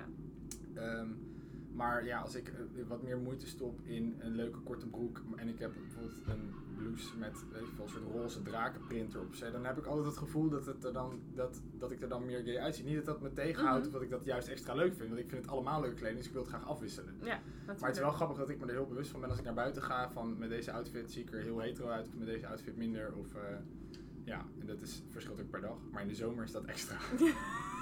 de blouses met de, met de drakenprint, die lokken je in dit warme weer. Ja. maar heeft het je ooit tegengehouden dan om die kleding te dragen? Um, tot nu toe niet. Nee, okay. Maar moet ik wel zeggen dat ik echt ontzettend amodieus ben en altijd eigenlijk helemaal niet met de mode meeging. Mm En uh, zelf droeg wat ik leuk vond, wat eigenlijk heel erg lelijk was. Nou, tenminste, lelijk was heel saai. Het was heel veel hetzelfde. Het was een beetje zo'n skaterstijl in, uh, op de middelbare school met van die rockshirts en driekwart broeken en sneakers. En nu is het een beetje, het was een paar jaar lang was het gewoon H&M basic, zeg maar. Ja. Uh, waar ik nu wel een beetje klaar mee ben. Uh, en mijn jongste broertje heeft een hele uh, extravagante kledingstijl. Die is ook muzikant en die uh, heeft lang haar. Had ik vroeger ook trouwens. Maar. en hij heeft me een beetje geïnspireerd dat ik denk, ja, ik mag best iets vaker iets geks proberen. Mm -hmm. Dus ook, nou, hij heeft ook allemaal printjes met jungle erop en zo, weet je wel. En ik, ik vind dat super vet, dus af en toe wil ik dat proberen. Ja. En ja, en dat hoeft niks te maken te hebben met seksualiteit, maar voor mij voelt het wel een beetje zo. Oké. Dat is, uh, besef ik me eigenlijk nu pas nu ik dit nou, gesprek ja, nou, met jou voer, maar ja, dat vind ik eigenlijk best wel grappig. Ja. ja, maar je bent denk ik niet de enige hoor die dit heeft. Vooral dan met mensen die hun seksualiteit net ontdekken, dus vooral met newbies. Dat het toch wel soms samen kan hangen met, met je genderexpressie. Of, en, dat, en dat zit vaak in kleding voor veel mensen, heb ik nu ontdekt eigenlijk. Ja. Mensen die ik spreek. Ja, ik denk dat dat met gender misschien nog wel veel sterker is dan met mhm. seksualiteit. Omdat je mhm. dan natuurlijk echt zeg maar kan zeggen van oké, ik, ben, uh, ik ben geboren als man, maar ik voel me een vrouw. Mm -hmm. dus ik, ik, dan wil je misschien juist vrouwenkleding dragen. -hmm. Maar aan de andere kant, je kan ook zeggen ik ben geboren als man, maar ik ben eigenlijk een lesbische vrouw. Dus dan vind je misschien een man. Dus dat is heel. Ja, ja maar ik denk complex. wel. Ja, maar ik geloof wel dat er ja, bepaalde kracht van uitgaat dat je mhm. gewoon kleding kan dragen die jij leuk vindt. En dat, dat je daarmee of jezelf wel kan uiten of niet. Maar in ieder geval dat jij er comfortabel bij voelt. Ja. Ehm, dus ik heb ook besloten dat ik vanaf nu alleen maar kleding koop die ik echt leuk vind. Waarvan ik denk, dit vind ik super vet en dit wil ik gewoon dragen. Ja, dus, uh, dat is echt fijn. Ja, dat, zal, ja, dat hoop ik. dat gaan we zien. Ja. Nou ja, dat zal ik blijven proberen. Mm. En, en het hangt dus wel een beetje samen met de seksualiteit. Wanneer werd je er meer bewust van dat je, dat je misschien bi kon zijn? Oeh. Um, er is een hele grote stap tussen. Mm ik had in, tot en met 2016 had ik een hele lange relatie. Dat was mijn eerste hele lange relatie. Mm. Ehm, met een meisje, vrouw. Mm. Eh, en toen ging dat uit. Uh, en toen heb ik één keer een, uh, een seksdroom gehad over een man die ik kende. maar niet heel goed kende of zo. Mm. Maar, en in die droom was heel realistisch. Ik vond het ook heel fijn. Ik ging er helemaal in mee. En toen werd ik wakker en toen dacht ik, wat was dit? Waarom gebeurt dit? Ik had, nou, ik had echt nooit in mijn leven zeg maar, daar getwijfeld dat ik hetero was. Uh, en daarna deed ik dat wel een beetje, dus ik ging een beetje dingen googelen ook en zo, weet je wel, sexy mannen en dat soort dingen. Um, en dat, nou ja, toen is er heel lang niks gebeurd. En ik heb nu sinds begin 2017, nu 3,5 jaar, heb ik een relatie, ook met een vrouw. Uh, en eigenlijk tijdens die relatie is het pas een beetje gekomen dat ik inderdaad meer vrienden heb gekregen die uh, zich identificeren als lesbisch of uh, niet hetero termen in ieder geval. En dat ik daar zelf meer over na ben gaan denken en dat er bepaalde mannen zijn geweest waar ik me toe aangetrokken voelde mhm. en dat ik daar een beetje mee heb geëxperimenteerd, niet heel veel. Dus ja, dat is eigenlijk voor, en vooral het grootste deel daarvan was in het afgelopen jaar, anderhalf jaar. Alleen deels ook omdat ik een relatie heb, dan ga je natuurlijk niet helemaal los. Nee, ja, ligt dus, eraan ja, een relatie precies, ja, dat hangt, dat hangt van je relatie af. Maar, dan, ja, maar dat is dus, um, ja, ik denk dat dat een van de redenen is dat het een beetje een soort van traag gaat. Maar dat vind ik ook helemaal niet erg. Ik vind het ergens wel fijn dat ik alle tijd kan nemen, ik weet dat ik toch... Uh, ja, ja, heb je haast? Ja, precies. Ja, ik weet niet. Nog 24. alle mannen van de wereld gezien hebben? Nee, nee, nee. nee. Ja, moet dat? Ja, want, want uh, ja, ik weet niet of, um, ja, of ik dit kan zeggen, maar ik had je oorspronkelijk gevraagd voor de aflevering van Bi Mannen. Mm -hmm. En toen zei je zelf dat je niet comfortabel zou voelen om in die aflevering uh, te zijn, omdat je dus uh, te weinig ervaring zou hebben met mannen. Ja, wat ergens ironisch is. Want mhm. we, hebben, we hebben hier wel eens gesprekken over gehad. En, en ik heb wel eens gezegd dat uh, zo'n label of, of een identiteit, dat dat niet hangt aan um, wat andere mensen vinden dat voldoende is voor jou. Dus als jij zegt, ik voel me bi en ik ben bi, dan ben je bi. Mm -hmm. Dus wat dat betreft zou je kunnen zeggen, ik ben een bi-man. Maar het is meer omdat er bij mijzelf nog een beetje, niet per se twijfel zit, maar ik heb heel erg het gevoel dat ik nog een beetje in de experimentele uh, bi-fase zit. Ik bedoel, ik weet wel dat ik nooit meer ga zeggen, ja, ik ben echt helemaal hetero. Met die stem ook. Ja, zeker, ja. ja. Dus ik, ik weet dat dat niet meer gaat gebeuren. Um, maar ja, ik, heb, ik, ik had inderdaad, ik had meer zoiets van als je inderdaad echt een podcast gaat maken over bi-mannen, -hmm. dan, dan lijkt het me sterk om daar in ieder geval te beginnen met uh, een man die zegt, ik ben uh, puntje puntje en ik ben al een tijdje bi en ik weet dat. En ik, heb, ik weet het niet, ik voelde me gewoon, ik dacht gewoon een beetje, ja, niet per se poser, maar snap je? Dat ik een beetje dacht van misschien, ik ben niet echt representatief en ik wilde vooral niet de mensen die wel, zeg maar, echt weten dat ze uh, volledig bi zijn en die hun ervaringen graag zouden delen, wil ik niet in de weg zitten met mijn soort van beginnersverhaal. Maar goed, toen kwam jij dus met, oh, maar ik heb nog andere thema's. En toen dacht ik, oké, want ik vond het wel heel leuk om daar mee te werken. En toen was dit inderdaad iets waarvan ik dus dacht, oh, daar pas ik eigenlijk wel goed in. Ja. ja. Maar heb je dat vaker dan eigenlijk, dat, uh, die poser, uh, dat posergevoel of imposter syndroom, dat oh kan je misschien wel noemen, denk ik. nou, nou, valt eigenlijk wel mee. Ik heb nooit, uh, zeg maar, zeker bij vrienden en, en kennissen heb ik eigenlijk altijd alleen maar een fijn gevoel erbij gehad en inclusiviteit gehad. Weet je wel, die vonden het alleen maar leuk als ik ging experimenteren of als het over hadden of zo. Of dat ik mm. er zo open over was. En ja, ik denk ook dat hier, hier uh, al mijn vrienden en ook mijn vrienden van vroeger van de middelbare school, zo, die weten het ook allemaal. En die, die, het is voor mij niemand die daar een probleem mee heeft. Dus daar ben ik heel, um, nou, heel gezegend mee, is het woord dat ik zocht. Ja, nee, maar dat is, dat is heel fijn dat ik eigenlijk niemand om me heen heb die er echt moeilijk over doet. Mijn familie weet het dus nog niet. Dus inderdaad, als mijn ouders luisteren, papa en mam, surprise! maar uh, ja, nee, ik... Uh, ik heb, ja, ik heb in het dagelijks leven ik dat gevoel eigenlijk helemaal niet. Maar inderdaad, als het dan ineens is van wil je een podcast, dan denk ik, hmm, ja, hmm, hmm, weet niet. Ja, goede vraag waarom ik dat heb, weet ik eigenlijk niet. Ja? Ja. Oké. Ja, dat is misschien ook wel interessant om na te gaan, denk ik, voor jezelf. Want ik denk dat het toch wel een voorkomend fenomeen is bij mensen die zich als bi identificeren. En uh, als ik even uit mijn eigen ervaringen spreek, dat ik dan ook denk van, oh, ben ik bi genoeg of uh, ben ik uh, hetero genoeg eigenlijk? Op basis van de ervaring die ik wel of niet heb gehad eigenlijk. Ja.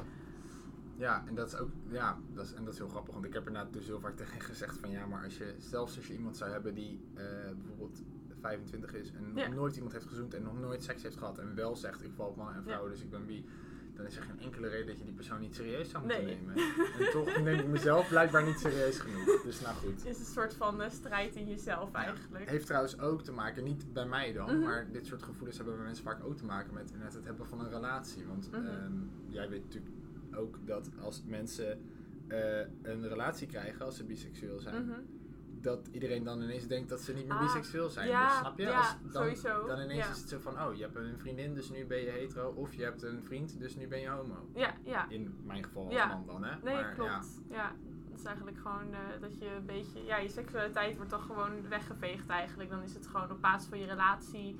Ben je hetero of ben je gay? En Ja. niet bi, eigenlijk. Wat heel raar is, want dat zou betekenen dat als je iemand hebt eh, van, eh, nou ik noem maar wat, iemand van 40, Mhm. die, een vrouw van 40 die getrouwd is met een man van 41. Mhm.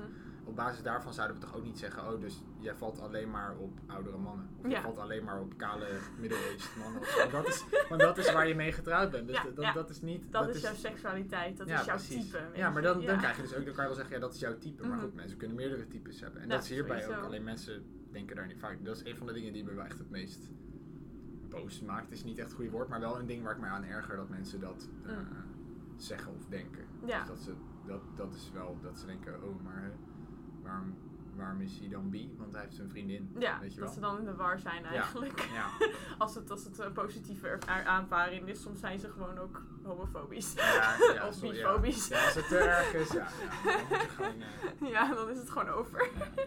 Maar ja, je zegt dus je omgeving is wel, eh, ja, hoe zeg ik dat, eh, open. En, en je merkt zelf ook van, vanwege je omgeving dat je er ook meer over na bent gaan denken. Denk je dat dat ook gewoon een grote rol kan spelen bij andere mensen eigenlijk? Die zoekende zijn of denken dat ze hetero zijn, maar eigenlijk bi zijn. Ehm, ja.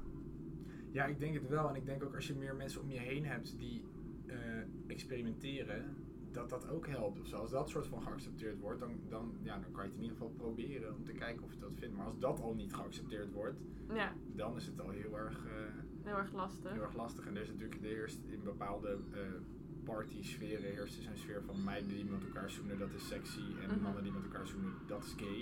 Oh ja, ja. Dus dat is ook een beetje, hè, en dat is voor beide partijen heel vervelend. Ja. Want als man wil je niet, niet kunnen zoenen met een man omdat mensen je dan in elkaar gaan slaan. Of om zeggen van rot op met je, met je homoseksuele Ja. gedrag. Maar als vrouw wil je ook niet telkens dat je met een vrouw zoent geseksualiseerd worden als je aan het uitgaan bent. Dus eh, ja. Ik heb hier niks aan toe te voegen. Nee, ja, precies. Ja, dat is echt. eh, ja, nee, ik bedoel, ik ben er, ik, ik, ik val eh, zeker. Ik bedoel, ik heb het nu, omdat het over gaat, steeds over dat soort Ja. van het nieuwe ding voor mij, namelijk dat ik op mannen val. Maar ik Mhm. val natuurlijk ook op vrouwen. Sterker Mhm. nog, ik val veel meer op vrouwen dan op mannen. Mhm. Dus ja, ik zal eerlijk bekennen, ik vind het ook heel opwindend als ik twee vrouwen zie zoenen. Maar ja, ik ga er vervolgens niet naar staren, bijstaan of opmerkingen over maken. Omdat ik gewoon weet dat het heel oncomfortabel is en Ja, dat mensen dat niet willen. Het is gewoon raar. Dus ja, ja, precies. Ja, Boei met je eigen Dus, zaak. ja, dat precies. weet je. Ja, dus... eh, Oké, maar ik wil even terugkomen op, dat, eh, op het punt wat je eerder hebt genoemd. Zeg maar dat je ouders het niet weten. Ja. Eh, is er nog een speciale reden voor? Of Ehm, ja, ik heb, ik heb wel een reden, alleen ik weet, ik weet niet of dat echt de reden is of dat ik gewoon denk dat dat de reden is. Dat is wel. Wat ik denk Ja. is dat ik het normaal gesproken wel vrij snel tegen mijn ouders had gezegd. Als ik Mhm. erachter was gekomen van oké, ik val Mhm. ook mannen en ik ga een beetje experimenteren. En als ik single was geweest en ik had een paar keer een man gezoend, dan had ik dat waarschijnlijk in ieder geval sowieso aan mijn moeder wel verteld. Ja. En dan zou die het wel aan mijn vader vertellen, denk ik. Maar niet dat mijn vader, niet dat ik bang ben voor mijn vader hierin of zo. Die zou er Nee, heel accepterend in zijn. Maar dit soort gesprekken vind ik altijd makkelijk om met mijn moeder te voeren, Mm. want die is daar heel open in. Ehm, maar ik denk dus dat het komt omdat ik een relatie heb. Oké. En dat ik het een soort van. Want dan heb je een soort van twee dingen die je moet droppen. Namelijk ten eerste, Ja. pap, mam, ik val ook op mannen. Maar als ze dan een soort van zoiets hebben van, oh, maar hoe, dus weet- waarschijnlijk is het antwoord dan nou, oké, hartstikke leuk, we houden van je, geen probleem.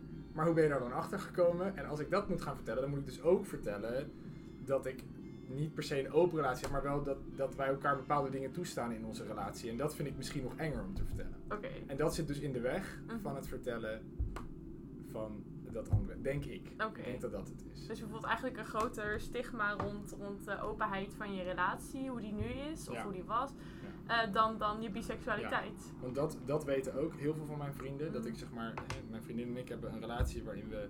ehm, het is niet dat we van alles mogen doen of zo, maar er zijn bepaalde dingen die we elkaar wel toestaan. Mhm. En, en we hebben ook de regel dat alles bespreekbaar is. Dus dat je altijd kan vragen of zeggen van joh, ik wil dit graag een keer, ik wil dit graag een keer. Ehm, ik heb een paar maanden geleden gezegd dat ik aan het nadenken was dat ik misschien een keer seks met een man wilde proberen. En toen had Mhm. zij zoiets, nou als jij dat wil doen, dan moet je dat doen. Ja. Alleen ik wil dan wel een beetje weten wanneer, waar, met wie, zodat ik weet hè, dat het een keer gebeurt. Niet dat je Mhm. random ineens Ja. niet thuis komt op een nacht, weet je wel. Dus, want we wonen, ja, want we wonen ook samen, dus dan is het wel leuk als je weet waar mensen uithangen. Maar, eh, Ja. Maar ja, ik vind, dat, ik vind dat die openheid inderdaad uh, is iets dat mijn vrienden heel goed begrijpen over het algemeen. En, en uh, studiegenoten, kennissen, weet ik het wat. Maar dat ik toch minder makkelijk vind om vooruit te komen bij mijn ouders, mijn familie en bijvoorbeeld collega's. Is dat, weet je, bij iets, iets meer relaties waarin, nou, bij mijn ouders is het gewoon eng omdat ik niet weet wat ze ervan vinden. En bij anderen, zoals collega's, is het dan weer meer dat je denkt van nou, dit is wat zakelijker. Dus ja, ja het, nou, natuurlijk, het gaat over je relatie. Ja, het is heel erg privé, dus dat, dat bespreek je dan niet. Maar uh, ja, dus ik denk dat dat een beetje in de weg zit van dat mijn ouders dat nog niet weten. Ja. Dus inderdaad, als ik single was geweest, denk ik dat mijn ouders het ondertussen al lang hadden geweten en dat ik het een keer had gezegd. Maar nu dus niet. nu dus niet. Nu blijft het gewoon open. um, welk advies zou je geven aan, aan andere newbies? Ik denk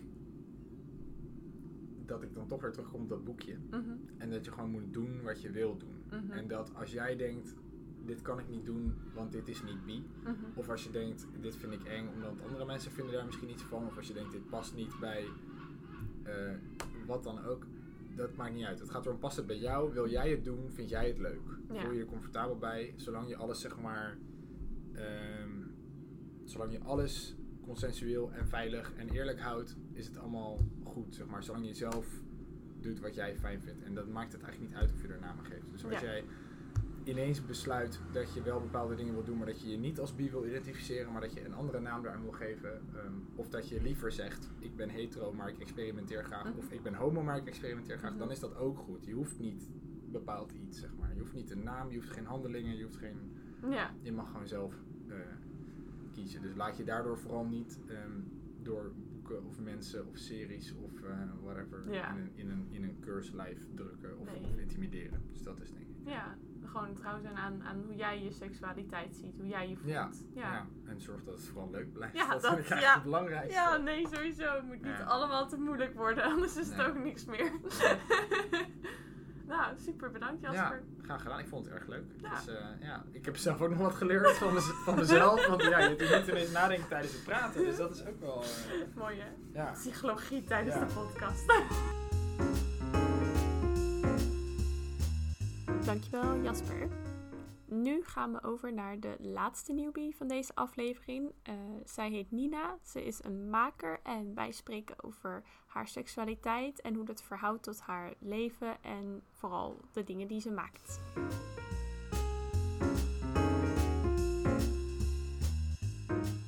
Jezelf even kort voorstellen aan de luisteraars. Oh ja, dat is goed. Nina, 25 jaar. Ik werk museum, daar doe ik de communicatie. Eh, en ik ben kunstenaar, of eigenlijk meer maker, denk ik. Hm. En ik schrijf gedichten, met name over mijn liefdesmislukkingen en, en andere dramatische verhalen. Ik uh, ets en ik teken en ik organiseer projecten ook met andere kunstenaars om te exposeren. En uh, eigen krant, ook een eigen podcast, frontkast, ehm, waar we nu mee bezig zijn. Dus dat eigenlijk. Ja, ja, leuk. En uh, ja, ik, ik noemde het net zeg maar uh, zelf al je ervaring als newbie. Ja, hoe zie jij jezelf? Wat, wat, wat voor label vind jij het fijnst om te gebruiken voor je seksualiteit? Nou, ik heb daar eigenlijk afgelopen uh, jaar voornamelijk veel over nagedacht. Maar daarvoor eigenlijk nooit echt. Mm ik had heel lang een relatie, zeven jaar, met een man. En dat was eigenlijk alles wat ik wist. Um, daarvoor wel geëxperimenteerd met mannen en vrouwen. Toen ik nog best wel wat jonger was. Maar eigenlijk pas sinds een jaar dat ik ineens een, ja, dat de oogkleppen een beetje afgaan. En dat vond ik vooral de eerste keer dat het echt gebeurde heel raar. En heel, uh, ja, toen snapte ik er even helemaal niks meer van. Ik uh, werkte op de parade en ik had, er was een meisje en die werkte ook op de parade. En die, uh, zij zat in de bediening en eigenlijk wist ik helemaal niet hoe ze heette. Maar ik vond haar zo leuk. En op een gegeven moment vond ik haar zo, zo leuk dat ik eigenlijk heel graag met haar wilde zoenen. Toen dacht ik, hé, hey, dit is heel raar. Waar komt dit ineens vandaan? Wow. ja, ja, dat, hè? Dus ik denk, oh, nou ja, oké, ja goed, dit zal wel. En toen een ontzettend blauwtje geloof ik trouwens. Er bij. En dat was ook, dus toen was het ook gelijk weer van, nou, hè, leuk geprobeerd. Maar, dus ja, we waren op een feest en ik ging naar haar toe en ik denk, ja, Nina, nu of nooit. Ja. Ehm, Stoer. en eh, ik had alle mannen op mijn pad al afgewezen op die avond. En toen was ik naar haar toe gegaan en ik zeg, hé, hey, ga je even mee naar buiten? Ja. Niet omdat ik per se wilde rollenbollen in het, waren op het strand, op het, in het zand of zo. Maar meer dat ik gewoon echt even met haar wilde praten. Ik denk, ja, misschien. Mhm. Ik wist op een gegeven moment wel hoe ze heette. En we hadden ook wel twee, drie keer een soort van half gepraat. En tanden poetsen en zo. De parade is één grote familie. Romantisch. Ja, super romantisch. Eigenlijk heel romantisch. Maar ehm, toen, eh, eh, toen vroeg ik dus, ga je mee naar buiten? Heel cool. Ik echt heel cool. Lichtelijk bezopen natuurlijk. En toen zei ze, eh, nee, ik weet het allemaal niet zo goed. Later bleek ze ook echt best wel jonger te zijn dan ik. Oké. Dat ja. wist ik niet. Op een gegeven moment had iemand haar achternaam ook achterhaald. En toen konden we natuurlijk Facebook stalken. En toen eh, bleek ze eh 19. Nou ja. Toen ja. ik 24 was. Ja. Dus toen dacht ik, oei, dat is ook wel een beetje een groot verschil. En als je 19 bent, heb je misschien ook veel meer het gevoel van, ja, dat, dat weet ik veel. Ehm, maar dat was denk ik de eerste keer dat ik echt dacht van, oké, dus er zit hier wel een soort van ander verlangen. En toen ben ik dat heel erg gaan analyseren. Ook een beetje kijkend naar op wat voor man ik nou val. Of ik val over het algemeen wel op mannen. Maar op wat voor mannen bleek toen ook heel apart te zijn. Weet je, je maakt dan, als je, vooral als je net single bent, maak je een lollige bui natuurlijk zo'n Tinder-account. En dan ga je eens kijken wat er een beetje op de markt is. Mhm. Best wel, niet per se om te daten, maar ook wel goed voor je oriëntatie, vind ik eigenlijk. En de, de ja, figuren die ik interessant vind, zijn eigenlijk een beetje, een beetje van beide of zo. Want hoe bedoel je? Nou, dat zijn niet echt per se mannelijke mannen. Het zijn Ah. hele vrouwelijke mannen of juist hele mannelijke vrouwen. Of een beetje ertussenin. Echt een- geen uiterste, zeg maar. En toen ik ook een beetje ging daten. En nou ja, toen we voor corona nog allemaal uit konden gaan en zo. Ja. Toen, eh Goeie, yes. goeie tijden. Ja, hij was echt leuk man. Goeie oude tijd. Januari.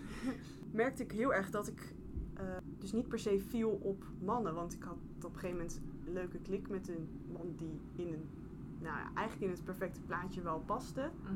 Maar waar er echt nul gebeurde. Gewoon omdat ik eigenlijk, omdat je een soort charisma of zo mist. En toen dacht ik, ik val eigenlijk heel erg op charisma. En als ik bijvoorbeeld ook kijk naar al mijn vrienden, Ja. zijn dat allemaal super extreem uitgesproken personen. Ja. Dus, en daar eh, in ontdekte ik, want ik kreeg laatst ook wel een heftige crush op een andere chick.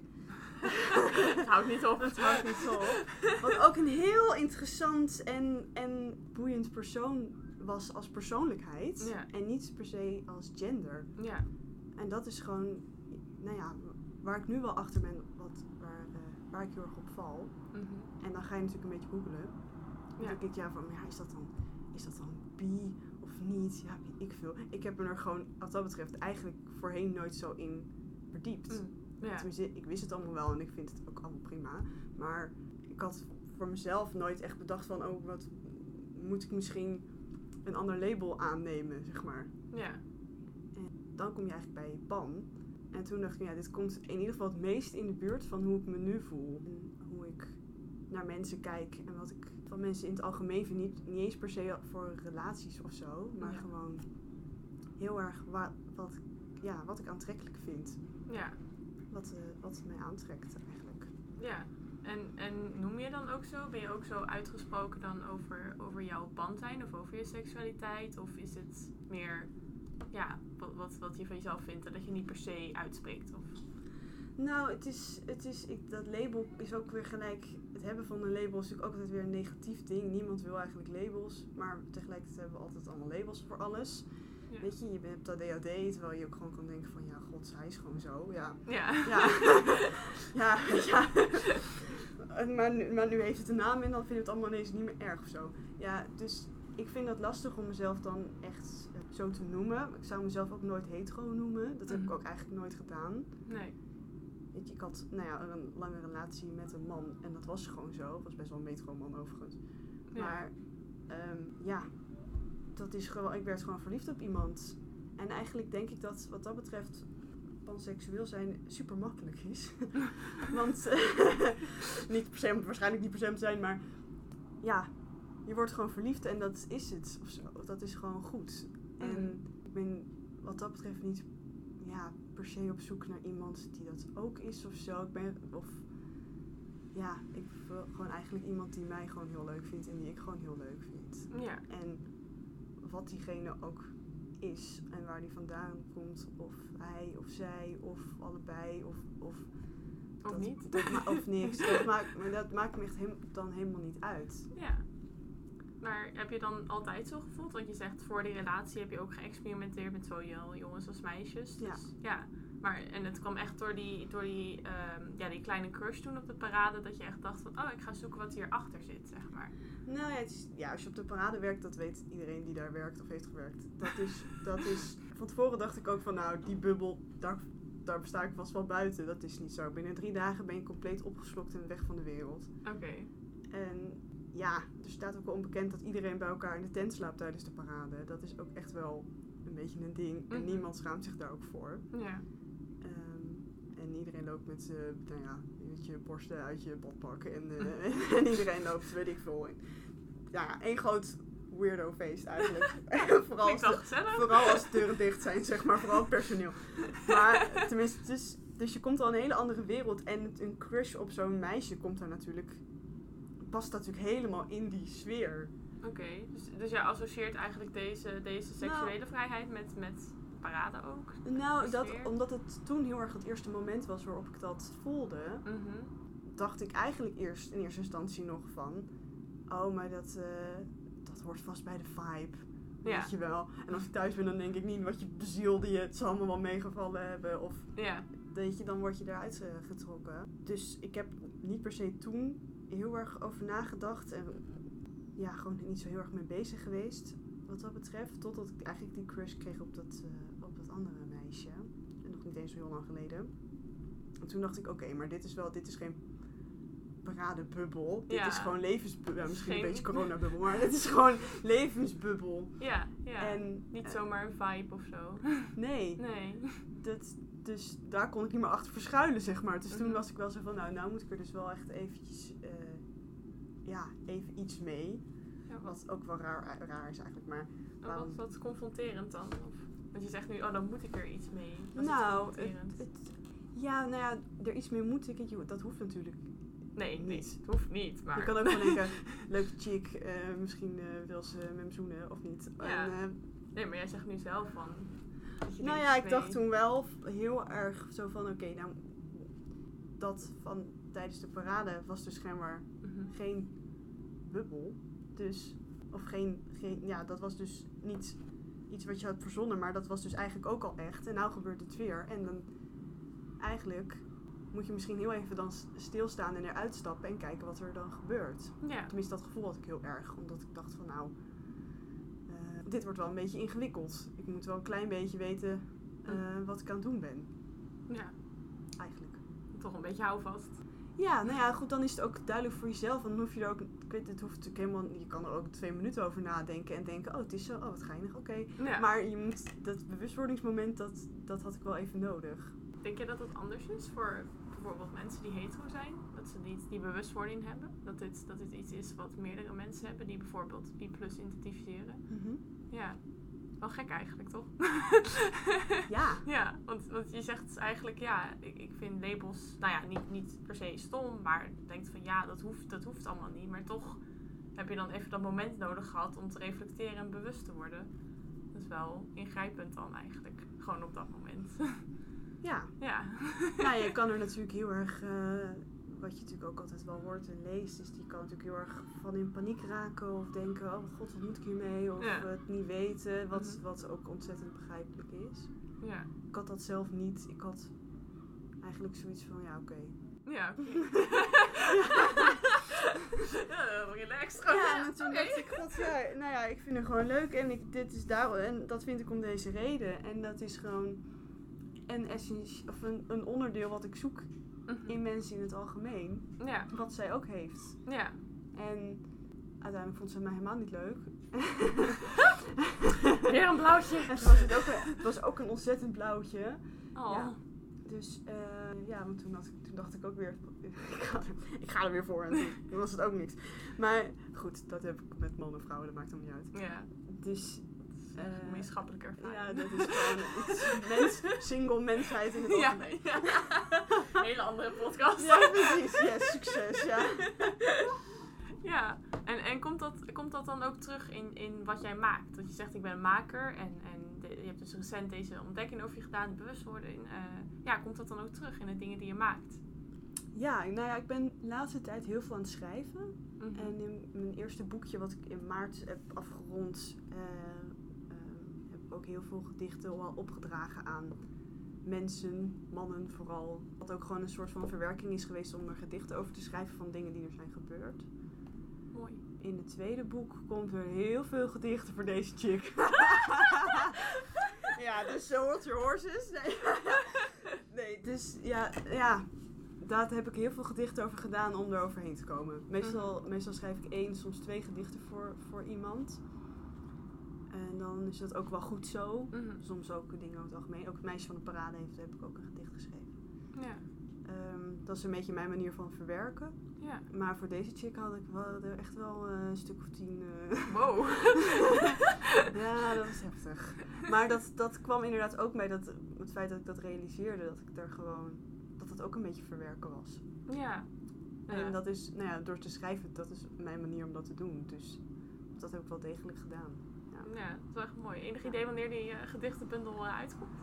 Ik hoop volgend jaar. Oké, okay, tof. Ja. En dan kunnen mensen hem kopen via jouw site, toch? Ja, en het gaan het nu iets uh, groter aanpakken. Oké, okay. nou, dus, ben benieuwd. grotere oplagen en toegankelijker. Oké, okay.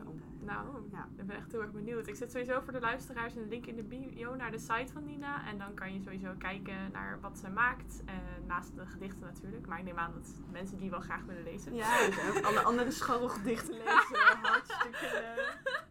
Het is heel ongemakkelijk, want mannen herkennen zichzelf dan ook wel erin. ja, we hadden zo'n, toen zo'n opening en toen waren er een paar. En toen zaten ook al van, huh? Oh, huh? Is het niet een soort van inside joke tussen ons? Dus ik zo, ah oh, nee joh, waar heb je het over? Wat? Nee. maar volgens mij vindt iedereen het alleen maar heel erg leuk, dus dat scheelt. Ja, nou ja, dat is wel mooi. Het is gewoon mooi dat je, dat je kan schrijven om het te verwerken en dat je de, die mogelijkheid hebt eigenlijk. Ja, ja. Nee, zeker. En, en, uh, en de mensen in je omgeving, zeg maar, hoeveel mensen zijn, ja, zijn op de hoogte van hoe jij je voelt? Als ik dat vragen mag. Um, hoe zie jij een coming out? Of vind je coming out gewoon een idee? Nou, ik merk, ik merk nu dat ik, ja, ik een paar vrienden weten het, een paar vrienden ja, kennen me niet anders dan ja. eigenlijk wie ik ben. Ik Ja. heb één vriend die noemt me altijd lesbo. Dus altijd, ja. Ja, Ja. ik, oké, ja, ook goed. Ja, dat maakt mij niet uit. Ja. Ik, eh, weet je, dat is eh, humor en ik hou ontzettend van die gast, dus dat is oké. Mhm. Mijn moeder weet het. Ja. En dat was wel eh, raar. En, maar op een gegeven moment dacht ik van ja, ik, moet het, ik ben er zo mee bezig. Ja. Gewoon met die, met die laatste ehm, meid. Ja. En dat ik zoveel gedichten schreef en dat was zo, ik zat zo in mijn hoofd met haar dat ik, dat ik op een gegeven moment dacht van ik, oké, ik ga het gewoon tegen mijn moeder vertellen. Oh, hoe ging dat? Nou, dus ik zei, eh, ik begon gewoon als, ja god mam, ik heb weer een crush. En die zei, oh nee, hè, wie nou weer, hoe heet die? dus ik, eh, nou, eh, eh, ze heet zo, meisjesnaam natuurlijk. Ja, ja. Dus zij zei, dat is een chick! Dus Ja. ik zo, ja, dat klopt. Ja, dat is een chick. En toen zei ze, oh, oké. En volgens mij was ze toen wel een beetje in de Mm. war. Ja. Ze heeft het ook niet tegen mijn vader verteld, dus papa bij deze. Nee. maar, succes hè. Nee, dat, durf, ja, dat durfde ze volgens mij niet. Wel, ik, ja, ik denk dan, god, ja, maakt mij dat nou uit. Ja. Ja, dus dat was wel een beetje raar. Maar ik heb dus in het krantje wat ik, wat ik maak, Mhm. De frontlees? Of, De eh, frontlees, ja. heb ik dus nu ook een stuk geschreven. Oké. En wat gaat over, eh, over die periode dat ik zo'n crush had op, eh, op haar. Ja. Ja, dat is een heel eh, genderneutraal artikel. Tot eh, één moment staat er heel duidelijk zij in plaats van hij. En dan is het ook best wel een coming out. Ja. Dus, dus als je er te snel overheen leest, ziet waarschijnlijk niet. Maar dat is wel... Nou, maar voor jezelf is dat natuurlijk best wel ja, spannend, denk ik. Om dat zo te publiceren. Ja, het is, het is nu de deur uit. Het is Ja. Nu, eh, ja. Oh, Dus het is nu te laat. dat is niet te laat. Hoe voel je daarover? Lekker. ja? Ja, heel lekker. Ja? Ja, nou ja, goed, weet je, die, die periode is er gewoon heel erg geweest dat ik die crush had. En mensen in mijn naaste omgeving, die hebben dat echt wel door en meegekregen. En dat ik dan weer eh, dramatisch was om iets, of dat er iets was. En ja, die weten het allemaal wel. Ja. Maar het is ook wel, ja, ik, ik, ik heb gewoon geen zin om er doekjes om te winden. Zeg je dat zo? Ja.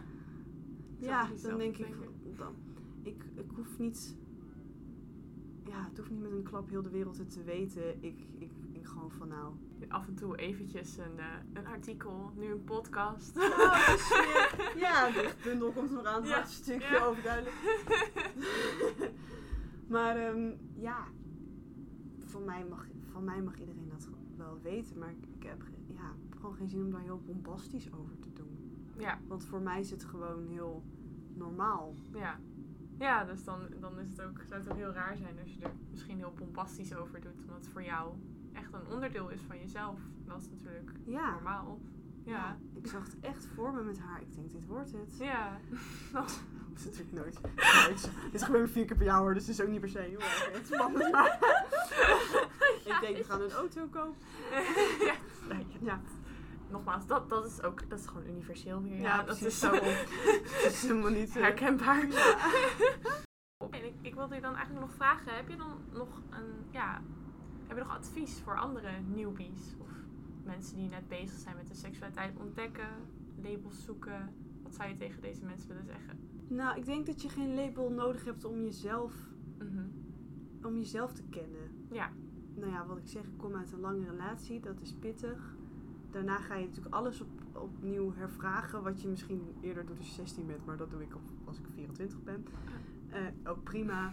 Ja, op het feit dat je, als je het weet, betekent niet dat je dan ineens gelukkig bent of zo. Weet je, als je, als je ineens hoort dat je wat, nou ja, eh, weet ik veel, ADHD hebt, wat we net zeiden. Ja. dan betekent niet dat je dan ineens wel met jezelf om kan gaan of zo. Oh nee. Dus, dus ik zou mijn geluk niet zoeken in een label, maar gewoon in mezelf. Ja. Ja. Oh, dat was echt een mooie quote. Wow, zo, zo filosofisch, zo je wijs.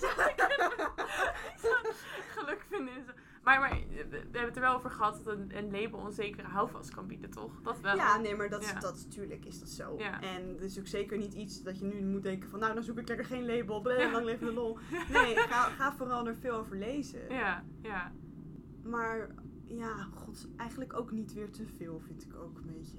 Anders dan eh, maak je jezelf denk ik ook wel een beetje gek, inderdaad. Ja, en dan ga je alleen maar dingen denken van jezelf. Oh, misschien is dit het. Of, Ja. Oh, misschien. Oh, en dan, en dan raak je helemaal je gevoel denk ik kwijt. Ja, ja. Dat zou ik niet doen. Ja. Ik zou ook niet gaan tinderen, maar dat is gewoon überhaupt, dat überhaupt niet. Dan loop je allemaal weer blauwtjes. Doe het Nee, niet. ik, ben nou, ik heb nou een paar wel leuke matches, maar dan zeggen zulke stomme dingen. Ja, ja. Nou ja, goed, ik heb toen, wat ik zei, toen heel wel echt gebruikt om te kijken van, oké, maar wat, Ja. wat is mijn, ja, daar heb ik ook een leuk gedicht over geschreven trouwens. Maar wat is dan mijn type? Want ik weet, soms weet ik het gewoon even niet meer. Ja, Weet je, Ja. ik viel altijd op eh, mannen, langer, wat langer haar, baardje, beetje, ja, ja. beetje metro, weet je. En, en dan zie ik wat voor man ik nu gedate heb.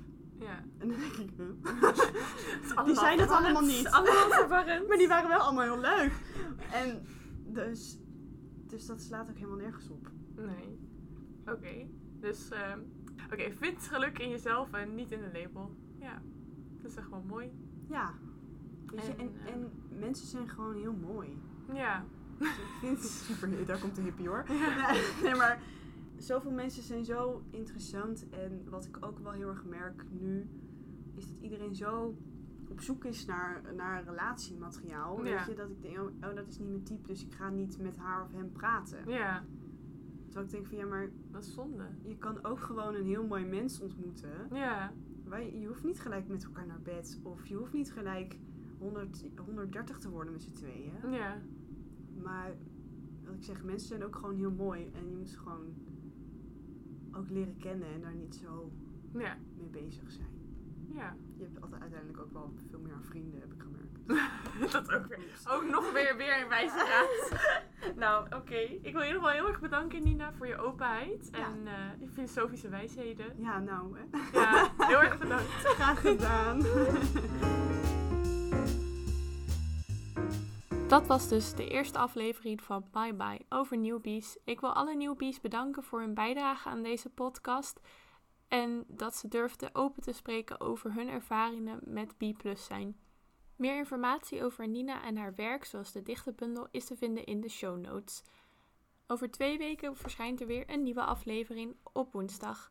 Wil je tussendoor op de hoogte blijven van het laatste nieuws, teasers en andere zaken? Volg me dan op Instagram onder @byebyepodcast. Ook kan je een kijkje nemen op de site www.byebyepodcast.com, waar je ook de transcriptie zal vinden. Daarvan zal ik ook een link in de show notes zetten. Wil je deze show steunen? Laat dan een recensie achter op bijvoorbeeld Apple Podcast. Of promoot deze show bij je vrienden. Of doe allebei. Dankjewel voor het luisteren en tot de volgende keer. Bye bye!